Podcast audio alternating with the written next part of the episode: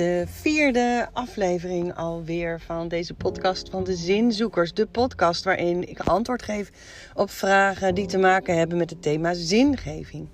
En zingeving is mijn allerlievelingsonderwerp. En heel veel mensen begrijpen daar geen ene jota van. En dat snap ik ook wel. Uh, want zingeving heeft een enorme rare bijsmaak, volgens mij.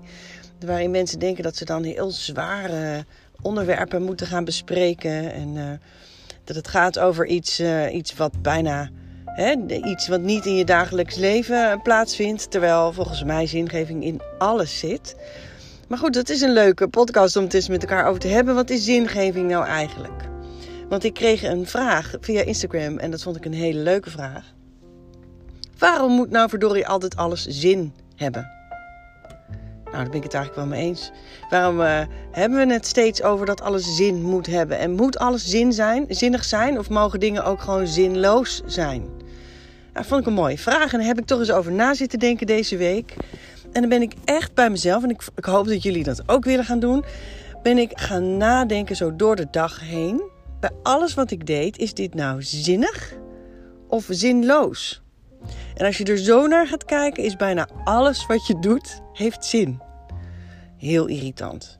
Terwijl het is natuurlijk ook super lekker om periodes echt helemaal dingen te doen die zinloos zijn. Die helemaal met niks bijdragen. Die gewoon er zijn omdat je het altijd moet doen.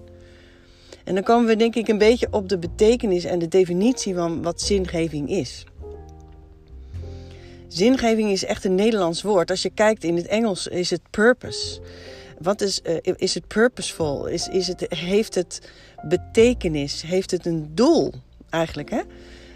Um, en in Nederland vind ik het woord betekenis geven daarom ook zo'n prachtig woord. Omdat als je ergens betekenis aan geeft, vind ik dat bijna nog mooier dan als het um, zin heeft. Want zin heeft het ook om je tanden te poetsen, omdat je anders geen, uh, hè, zodat je geen gaatjes krijgt zin heeft het uh, om uh, je vuilnisbak buiten te zetten. Anders dan wordt die echt veel te vol. En als je zo gaat denken, heeft natuurlijk alles inderdaad zin. Maar we hebben het inderdaad over het betekenis geven. Over waarom doe je de dingen die je doet. En um, waarom leven we? En dat zijn hele wat meer levensvragen. Die we onszelf stellen. En waar iedereen zo heel erg zijn eigen antwoord op vindt. Want ik kan niet bedenken wat voor jou van betekenis is. Maar ik vind het wel heel belangrijk om dingen te doen door de dag heen die voor mij van betekenis zijn. En als we heel realistisch zijn, is dat ook niet elke dag. Bijvoorbeeld woensdag heb ik uh, training gegeven, was voor mij een hele betekenisvolle dag. Uh, dan gebeuren er ook dingen die ik heel betekenisvol vind. Ik kan betekenisvol zijn voor anderen, wat voor mij betekenis geeft. Nou, als we zo doorgaan. Maar gisteren bijvoorbeeld was ik heel moe van die dag. En heb ik echt werkelijk genetflixt, gescrolld, tegedronken, met mijn kinderen geknuffeld. Uh, en meer heb ik echt niet gedaan. En is dat betekenisvol? Ja, want die relatie met mijn kinderen vind ik heel betekenisvol. Maar eigenlijk voel ik me redelijk zinloos die hele dag. Zo moet je het zien. Um, dus niet elke dag is natuurlijk doorspekt van dit soort uh, thema's. En het feit dat je de hele tijd ook uh, zinvol bezig bent. Daarom vind ik um, zingeving een prachtig thema om eens echt na te denken over het diepere, over de diepere laag van zin. Want als je mij vraagt, hè, wat de vraag van deze podcast-aflevering is: moet alles nou verdorie zin hebben? Nee, natuurlijk hoeft niet alles zin te hebben. Maar je leven wordt wel veel meer betekenisvol als je meer weet wat jouw betekenis geeft en waarom je de dingen die je doet belangrijk vindt. Want Daarin ben je uniek. Iedereen is uniek in dat wat ze kiezen als antwoord. Dat vind ik zo heel mooi, dat iedereen daar zo zijn eigen antwoord op heeft. En ik ben mega nieuwsgierig. Dus ik wil ook van iedereen weten, wat is dat bij jou? Bij de een kan dat zijn bijvoorbeeld, ik, ik, spreek wetenschappers. En wetenschappers zijn heel enorm, hebben het talent van de ontrafelaar, willen problemen compleet helemaal uitpluizen. En gelukkig maar. Want daarom hebben we wetenschappers. En vinden, zij vinden dat enorm betekenisvol. Zij willen heel graag een, een antwoord op een, een, een vraagstuk waar de hele wereld mee bezig is. Een ander is bijvoorbeeld archeoloog en die houdt er ook van om gewoon de geschiedenis te duiden. Die wil weten hoe we zijn ontstaan, hoe, dat, hoe, hoe uh, nou goed, weet ik veel.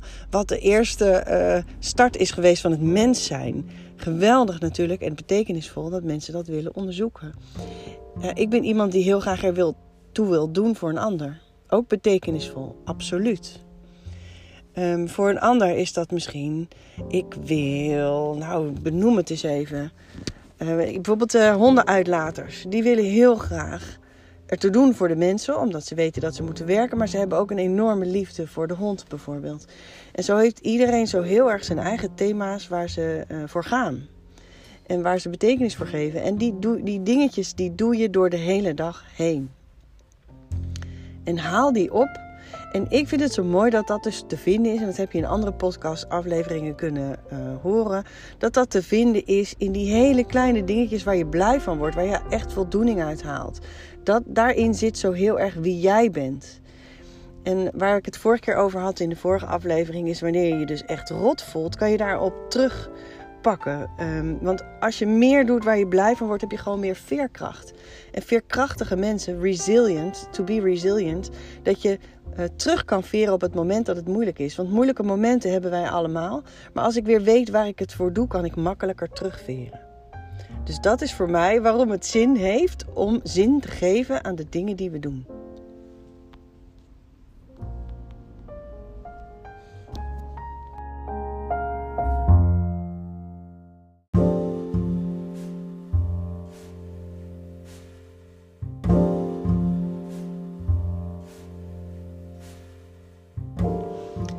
Soms om een beetje mensen een beeld te geven van uh, wat hen zin geeft, vraag ik ook wel eens aan ze wat hun toegevoegde waarde is. En mensen vinden dat vaak een hartstikke moeilijke vraag. En dat, dat is ook een moeilijke vraag, um, omdat het eigenlijk heel erg lastig is om voor jezelf te bepalen wat je, hoe jij ertoe doet voor een ander. En daarvoor moet je, als je op dit zoektochtje bent en je bent aan het zin zoeken, soms ook wat vaker aan mensen om je heen gaan vragen uh, hoe ze jou zien. Hoe zien ze jou acteren? Hoe zien ze jou in de dag dingen doen? Wat zien ze je dan precies doen? En waar waarderen ze jou nou zo erg om?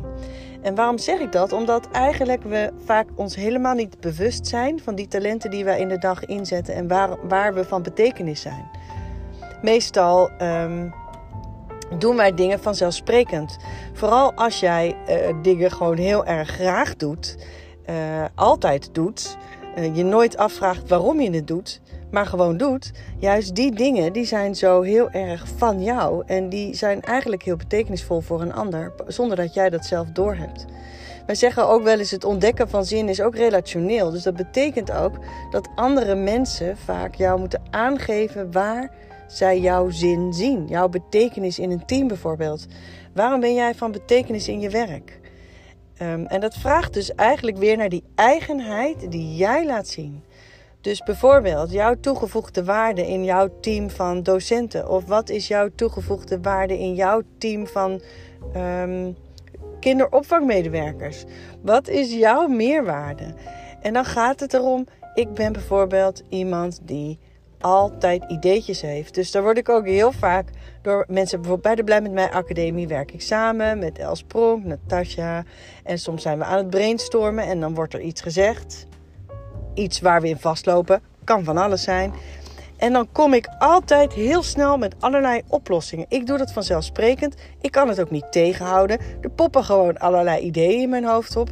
En dat kan je noemen inderdaad het talent van de, de ideeënbedenker, de ideeënfontein.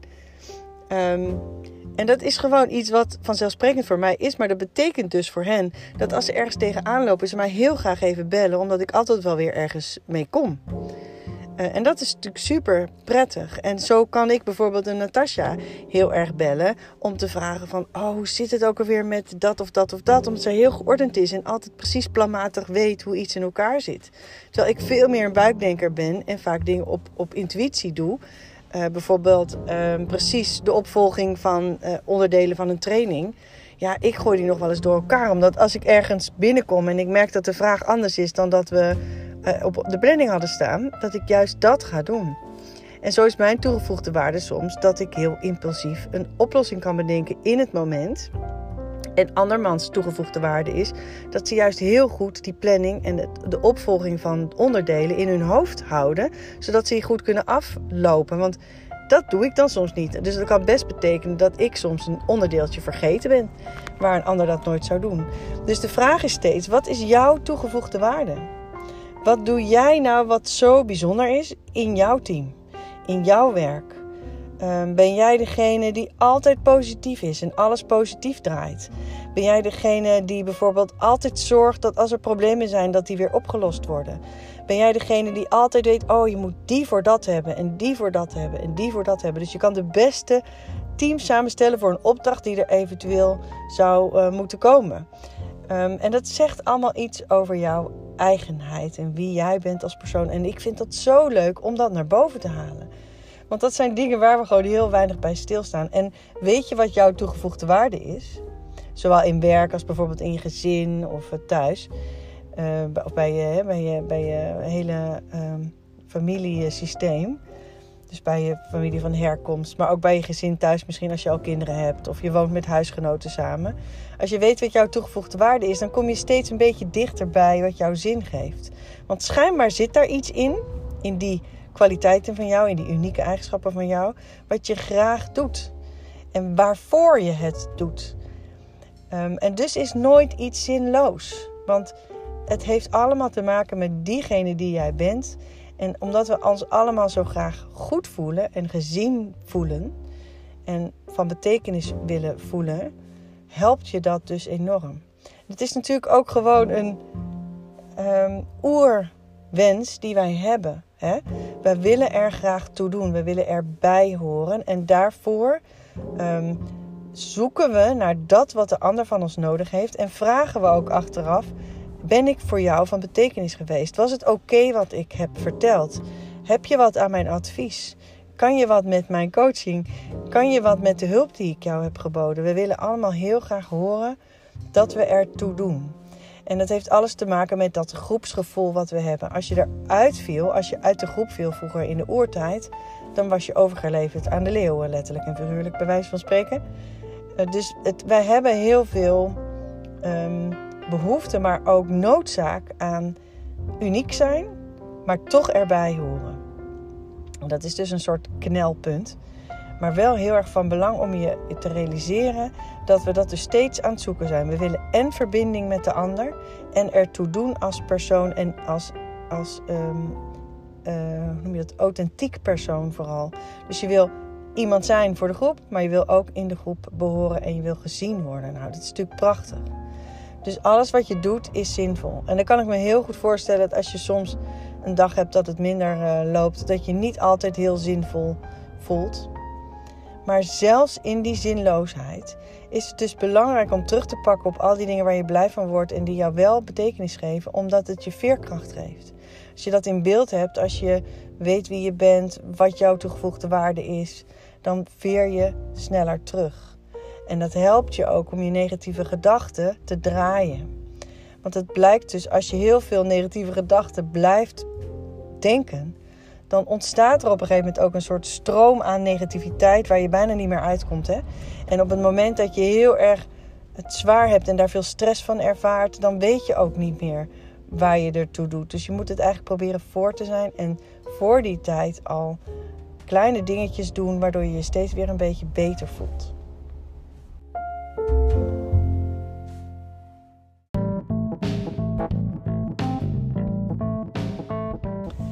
Dit was alweer de vierde aflevering van de podcast Zinzoekers. Ik hoop dat je het leuk vond. Laat vooral een reactie achter. Dat is voor mij hartstikke leuk, want dan weet ik ook dat er geluisterd wordt en dat het gewaardeerd wordt of niet. En als je nog vragen hebt, vind ik dat echt heel fijn om te horen. Dan kan ik er ook antwoord op geven.